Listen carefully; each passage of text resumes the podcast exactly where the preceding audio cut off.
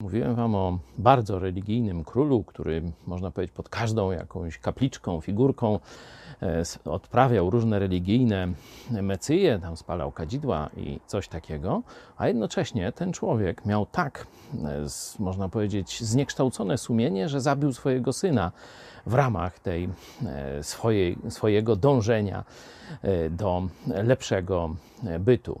I teraz pytanie o zastosowanie. Czy Polacy dzisiaj będąc jednym z najbardziej religijnych narodów w świecie. Czy też mają podobne tendencje jak ten król opisany w księgach królewskich, jeden z ostatnich władców Izraela? I ja odpowiadam sobie, że tak. Polacy są bardzo religijni. Polacy e, do dzisiaj spalają różne tam kadzidła, lampki, wianki, kwiatki przy przydrożnych kapliczkach, w kościołach i tak dalej.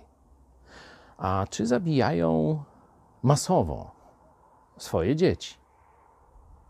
Aborcja ma bardzo wysokie wskaźniki. Jak myślicie, jakiej religii są ci, którzy dokonują aborcji?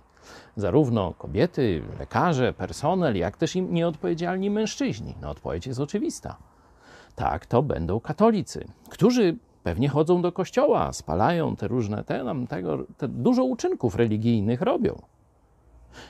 Drugi dowód na tę tezę, którą stawiam, to tolerowanie pedofilii dla dobra swojego kościoła. Przecież zarówno inni księża, którzy widzą to zjawisko i tolerują, siostry zakonne, rodzice, kościelni, organiści, ci wszyscy, którzy gdzieś bardzo blisko tego są, opinia społeczna katolicka, która mówi: Polacy, nic się nie stało.